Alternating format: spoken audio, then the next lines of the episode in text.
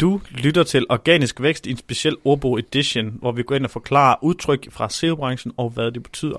I dag der kommer vi ind på Domain History, og mit navn er Simon Elkær. Og jeg hedder Jesper Nørskov Jensen. Og Domain History, det er, øh, hvor man går ind og kigger på, hvad der har tidligere har ligget på et domæne, øh, og det er specielt en ting i, i .com, fordi at det er svært at få et domæne, som ingen andre har brugt nogensinde før. I hvert fald et domæne, hvis det giver nogen mening. Så det, hvor man kan tjekke sin domain history, det er, at man går ind og kigger på, øh, hvad har tidligere været der indhold, og hvordan har, hvordan har linkprofil og så videre været.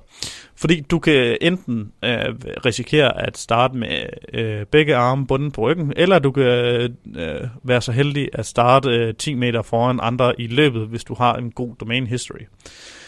Der er forskellige meninger og holdninger til, om du kan få den her domain history videre, når du registrerer den domæne, som tidligere har varet nogle andre, om Google kan se, at det har skiftet en ejer øh, flere gange, og om du får noget ud af tidligere ejers indsats. Men det er i hvert fald øh, meget tydeligt, at hvis domænet har været straffet, så, øh, så har du i hvert fald øh, en, noget, der arbejder lidt imod dig, når du skal starte. Så, så, så vil det være nemmere at starte helt forfra.